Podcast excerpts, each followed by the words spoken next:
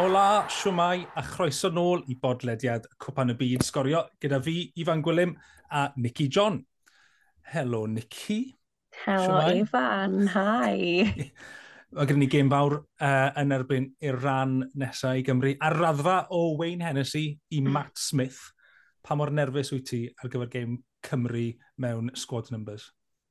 Ti'n gwybod be? Dwi'n rhyfeddol o dda uh, yn gwbl anisgwyl, achos fel, ardwel, fel arfer dwi yn subsal efo'n arfer a fel da ni'n agosau at y gig gyntaf falle'n wir wneud hynny uh, newid. Ond ar hyn o bryd dwi'n rhyfeddol o cwl. Um, falle bod fi'n cymryd chydig bach o hyder allan o'r ffaith bod ni'n gwybod bod i ran heb i gol geidwad nhw yn dilyn yr anaf yna i'w benno Alla bod fi'n cymryd mymryn o hyder hefyd o'r ffaith bod Joe Allen wedi bod yn ôl yn ymarfer a da ni'n gobeithio i weld o nôl ar y cae, felly ie, yeah, gawn ni weld, croes i besur.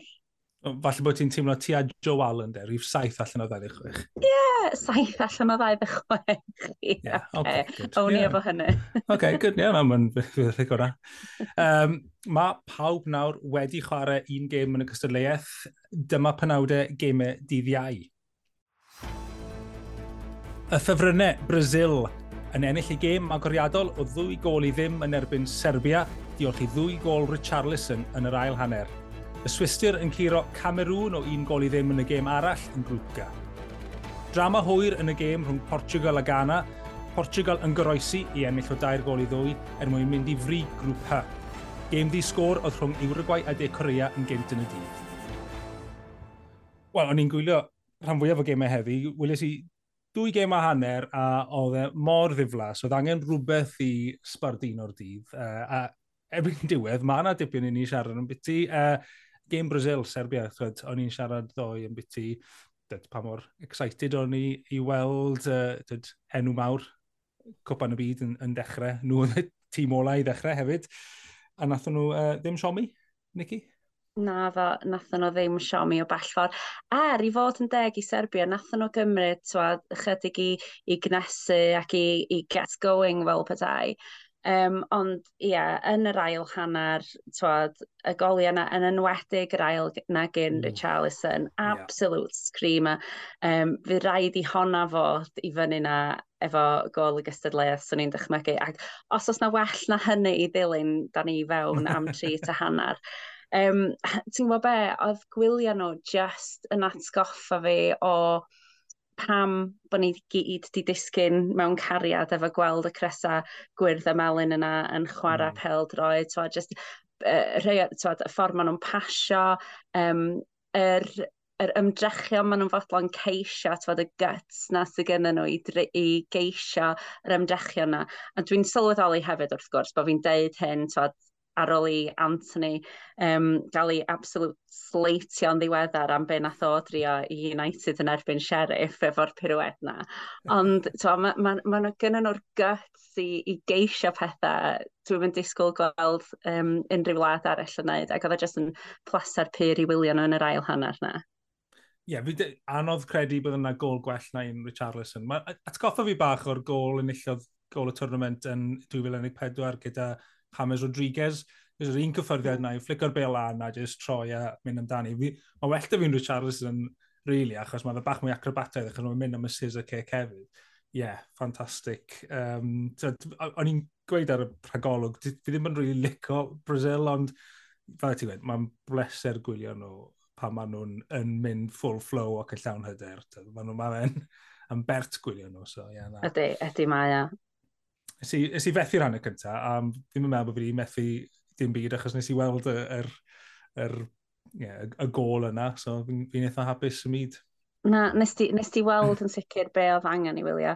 Um, a ti'n gwybod be, o ran Serbia, dwi'n meddwl bod mi gallu cyfru ar un llaw yn nifer o gyfleoedd nath nhw um, geisio, oce, okay, nath nhw amddiffyn yn dda yn yr hanner cyntaf alla, ond dod na ddim, dod na ddim cyfnod lle o'n i'n meddwl, o, oh, mae hein yn mynd i fygwth a mae hein yn mynd i, i sgorio. So na, canlyniad fel o'n i'n disgwyl gweld Brazil yn ennill hwnna. Yn y gêm arall, uh, Swister 1, Cameroon dim, o'n i'n siarad uh, ddoen ag o'n i'n ti bril yn bolo yn chwarae i Swister yn erbyn uh, ei gwlad ei enni, a nath ysgorio uh, dim dachlled mawr gan ein bolo yn erbyn uh, Cameroon lle gath ei enni. Ond ie, uh, yeah, swistyr uh, yn edrych Wel, maen nhw yn yr ail safle a nawr uh, tu ôl Brazil ar wahaniaeth goliau. Falle, falle bod Siona Dafydd yn iawn am ei da cos i wedi'r cyfan. Wel, no, nhw ddim yn argyhoeddi yn y ffordd enillon nhw. um, yn grŵp arall, um, Portugal, yn erbyn Ghana, oedd y gêm hwyr prynhawn, a oedd nhw'n un diflas yn y hanner cyntaf hefyd. Ond wnawn ni dath bethau fywyd sy'n bach yn yr ail hanner, a, dad, a gol gyntaf, Ronaldo yn cael cic o smotin, o ddim yn cic o smotin yn gwbl, a mae fe jyst wedi cico fi off y byti. Mae Portugal yw'r tîm gweitha fi'n meddwl yn cwpan y byd am play acting a dy, dy, chwifio yr imaginary yellow cards a just dod, let's face it, daif oedd y penalty na, oedd e ddim yn gico Smotin. Ma... Uh, yeah, maen nhw'n gwylltio fi Portugal mwy, mwy na unrhyw un arall, maen nhw'n awful. Mae ma popeth ti'n deud yn fanna am yr actio a tywed, y deifio ag ati, tywed, pwy arall ond Ronaldo sydd wedi bod yn ymysg twod, y gyreion ohonyn nhw am wneud hynny ar hyd y hmm. blynyddoedd. Mm. Ac wrth gwrs, wrth gwrs, mae Ronnie'n ffeindio ffordd wedyn o hawlio'r penawdau unwaith eto trwy ddod y, ddod y chwaraewr gyntaf erioed i sgorio mewn pum tournament cwpan y byd. Um, panel ti'n ei beidio, twod, mae hynny dal yn dipyn o gamp yn dydy um, rhyfeddol ac wrth gwrs oedd o'n mynd i fanteisio ar y cyfle i gael ni siarad amdano fo heddiw ma'n doedd. O, oh, wrth gwrs, wrth gwrs. Um, shout out i Ghana. Um, nid yn unig am fod y tîm cyntaf o Africa i sgorio yn y tournament, ond hefyd yn hwyr mlaen, uh, oedd yn edrych nhw bron dwy'n pwynt i ni ac Williams bron dwy'n e o drwy'n y golwr um, yn hwyr, ond ie, uh, yeah, dim i fod. Ti'n gwybod be?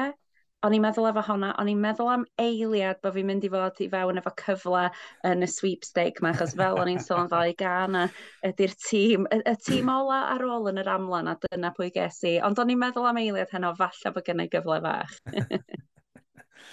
oedd y gêm arall yn y grŵp nes i wylio hon yn ei gyfanrwydd uh, i Uruguay yn ebyn De Corea. Di sgôr, well, nhw oedd Dark Horses fi, a uh, tywyll fy cedi yw'r gair, oedd e'n dim lot i weid am ti'r gêm na, a newn ni gyfer amser sy'n mynd mlaen nawr, uh, ond ie, uh, yeah, Portugal ar frig y grŵp na, gan ar gwylod o'n ni i gwaith de Corea, pwynt yr un.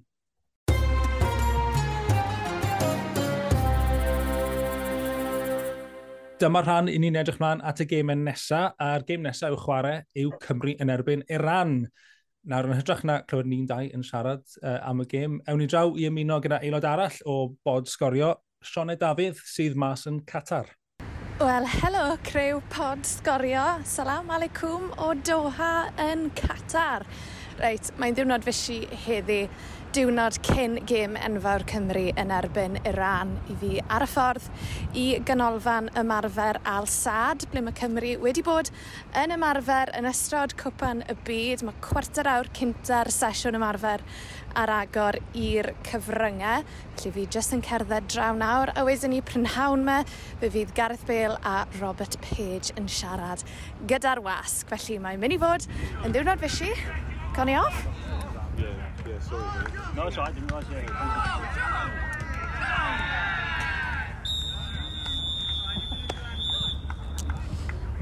OK, felly ni yma yn gwylio Cymru yn ymarfer. Um, fi'n teimlo fel bod rai fi siarad yn rhaid i dawel achos mae'r chwaraewyr yn eitha agos. Mae pawb mas ar y ca yn ymarfer o beth fi'n gallu gweld gan gynnwys Jo Allen. Jo Allen erbyn nawr wedi ymuno'r garfan am y fe'n ymarfer gyda nhw bob dydd oedd yn ymarfer ar wahân. Mae yna dal far cwestiwn o ran os yw e'n mynd i wario yn erbyn y ran fori. Um, fi'n siŵr newn ni ffind mas mwy pan i ni'n siarad gyda Paige a Bale nes mlaen.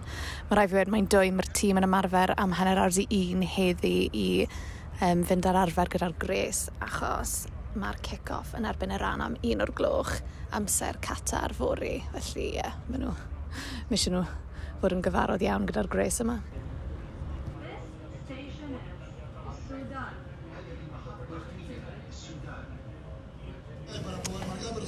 Oce, okay, wel fi yng Nghymru Dylan Ebenezer. Ni wedi dod i weld Portugal yn erbyn Ghana, felly chi siŵr fod yn gallu clywed uh, y tyledu yn y cefndir, ond ebsi ni newydd fod yn siarad gyda Rob Page a Gareth Bale, beth oedd dyn nhw i weid? Wel, nes ti siarad â Bale, nes ti siarad â Robert Page, ond nhw'n iawn, nhw'n di ymlacio um, pynciau llosg o ddemosiwn y gêm gyntaf Robert Page yn cyfadde wedi bod yn noson emosiynol i bawb.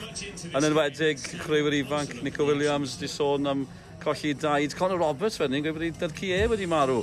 Hefyd, yn y diwrnod dyddiau cyn y gêm, felly mae'n gymaint o emosiwn wedi bod o gwmpas y lle. O'n i'n trafod Cifo Mo ar dylanwad gath e ar y gêm hefyd. Uh, pwnc mawr arall yw'r dyn mawr. Wrth gwrs, Cifo Mo, dim pwnc mawr arall, ond pwnc mawr oedd yw e'n mynd i chwarae, yw Joe Allen yn mynd i chwarae ac ati, oedd e'n mynd gweud llawer, mae'n swnio fel bod Joe yn mynd i gamu'r cae. Nath Owain Tudor Jones gweithio cwpl wythnosau yn ôl, bod wedi gweud wrth Joe, os ti'n chwarae yng Nghwpan y byd, fi'n mynd i stricio ar y cae. Achos oedd e ddim yn credu bod e'n mynd i chwarae yng Nghwpan y byd, ond mae'n edrych o fod e'n mynd i. Felly, os yw Joe yn dod ôl, ond yn trafod y Grace hefyd, mae'n mynd i fod yn boeth na. Mm. Ond um, a ddyn siarad am Bale, Mr Holly Bale, y ffaith bod e nawr yn mynd i gael 110 o gapiau. Felly fe bydd yr e'r mwy o gapiau yn y dynion, a fe fi'n hoffi, mae fe nawr gyda y mwy o gapiau, mwy o goliau. Felly, chi'n edrych ar stats boys fel Messi a Ronaldo, rhaid, maen nhw'r un peth i'w gwedydd. Mae'n gweud y cyfan fi'n credu, ond ie, nes di holi fe, sut, oedd e'n iawn? Ie, yeah, oedd Bale yn iawn. Wel, nath e weid oedd e ddim yn ymwybodol bod e'n mynd i gael uh, i cant a degfed capau, e, ond wedyn pan nes ti siarad y page, nath page weid, well, we were talking about it in the car on the way here, so be Gareth, amlwg. Gareth, Gareth. Gareth, trial falle dod ar draws bach fwy humble, ond um, yeah, a hefyd y ddoen siarad am y gres, wrth gwrs y gêm yn digwydd am un o'r gloch yn y prynhawn amser hyn, felly fi'n credu hwn yw'r gêm ni'n ni mynd i weld os yw econ fancy FIFA wir yn mynd i weithio. Um, ond hefyd, y ddoi yn cyfadde er bod nhw wedi ildio, bod y ran wedi ildio chwech o goliau yn erbyn Lloegr, ti'n bod nhw ffili cymryd yn ganio tal bod e'n mynd i fod yn game hawdd, Dyl? Ie, yeah, fi'n gwybod beth i ddisgwyl, achos sut, sut chi'n ymateb ar ildio chwech? Mae'n chi'n mynd ddoi ffordd am hynny, chi'n fwy penderfynol, neu chi mor nerfus, chi chwal. A eto, fi jyst methu mynd i ffwrdd hefyd, ni'n sôn am pethau oddi ar y cae. Mae'r hyn sy'n digwydd oddi ar y cae yn y ran, jyst ar lefel arall i bethau ni wedi bod yn trafod, a'r chwaraewyr ddim wedi canu'r anthem cyn y gêm gyntaf yn erbyn Lloegr. Gymaint yn eu pennau nhw, ydyn nhw'n gallu anghofio am ni a canolbwyntio ar y Pale drods, ond ni oedd gymaint yn mynd o'n pennau Cymru hefyd fi'n credu. Ni wedi hmm. trafod popeth rhwng y Pale drods, ond um, dim ond nawr chi'n gwerthfawrogi be mae emosiwn yn neud i chwaraewyr fi'n credu, mae fe'n gallu effeithio ar bawb. Dyn nhw ddim yn robots, neu you. Na, dyn nhw ddim, dyn nhw ddim. Ond fi bach yn smyg achos nes i predicto Cymru yn erbyn yr Unol dyleithau, bydde hwnna'n cwplan un yr un. Fi wedi proffwydo bod Cymru mynd i ennill o ddwy gol un yn erbyn y ran. Nawr de. Be ti'n credu, Dyl? Sa'n cofio, ben ys i wedi. Like, ar ôl beth ddigwyddodd hanner cyntaf na nefyn America, na i just cymryd un i ddim scrappy. Mae pobl yn sôn am gwaniaeth golau, a ni'n sangen triffwys, a wedyn gweld beth sy'n digwydd ar ôl ni. Ond fi'n credu, os ni wedi cael cyfan mas o'i system, yr emosiwn ac ati, a sy'n Keith and Moore, ddech chi'n fan yn wych ar ôl dymlaen. Mm. Fi'n credu, a nath Harry Maguire achosi lot o broblemau i'r ran, a tiod, mae fe'n mm. ma fe bereglis yn amlwg, mae Keith and Moore yn, yn fwyst fel tra gwahanol, felly gallai fe achosi chaos, gobeithio, na fe'n i'n gobeithio. Mae'n gynnar, fe'n i'n godi'n gynnar. Chaos yn Qatar. Wel, dyna ni, dyna'r diweddara o fi a Ebsi yn Doha, felly Nicky a Ifan, nôl atoch chi.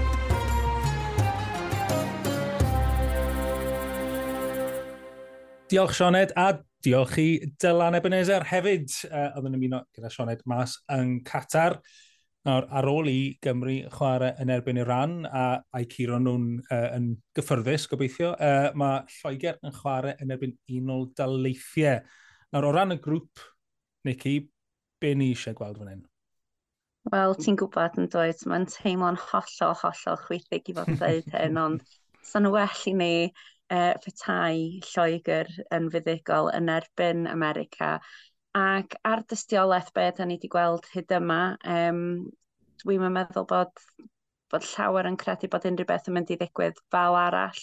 Um, Tywed oedd Lloegr mor dda yn erbyn Iran, boed hynny oherwydd bod Iran reit sal, um, neu twod, just oedden nhw yn eitha ruthless yn ei ffordd y chwarae Um, Dwi'n gwybod bod Harry Kane wedi bod yn, yn gynsyrn yn nhw o ran i anaf ddoth allan o nynlla, achos nathon ni'n clywed yn byd am hynny ar ôl y gêm, na ddo, just uh, ddoe fel petai ddoth y, y sôn am y scans ac yn y blaen hefo fo.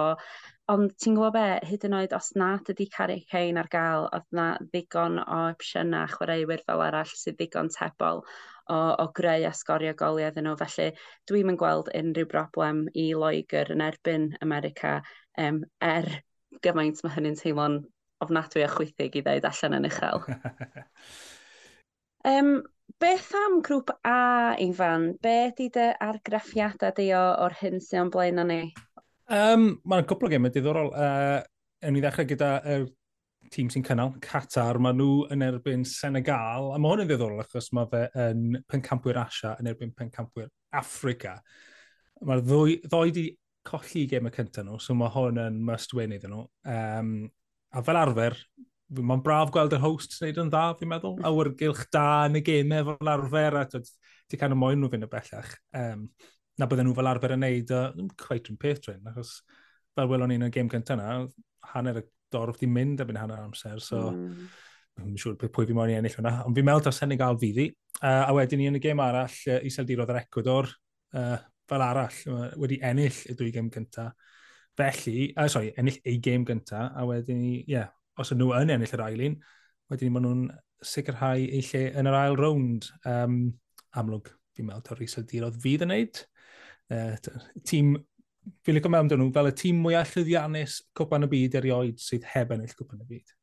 Wel, diolch am y sgwrs unwaith eto, Nicky. Wel, Ifan, diolch yn fawr iawn i ti. Diolch i Sioned a Dylan mas yn Qatar a diolch i chi adre am rando, wrth gwrs. Mae pawb wedi dechrau cwpan y byd nawr, felly ni'n dechrau rown 2 dydd Gwener gan dechrau gyda Cymru. Dewn ni nôl tro nesaf i ddadansoddi'r cwbl, ond tan hynna, adews.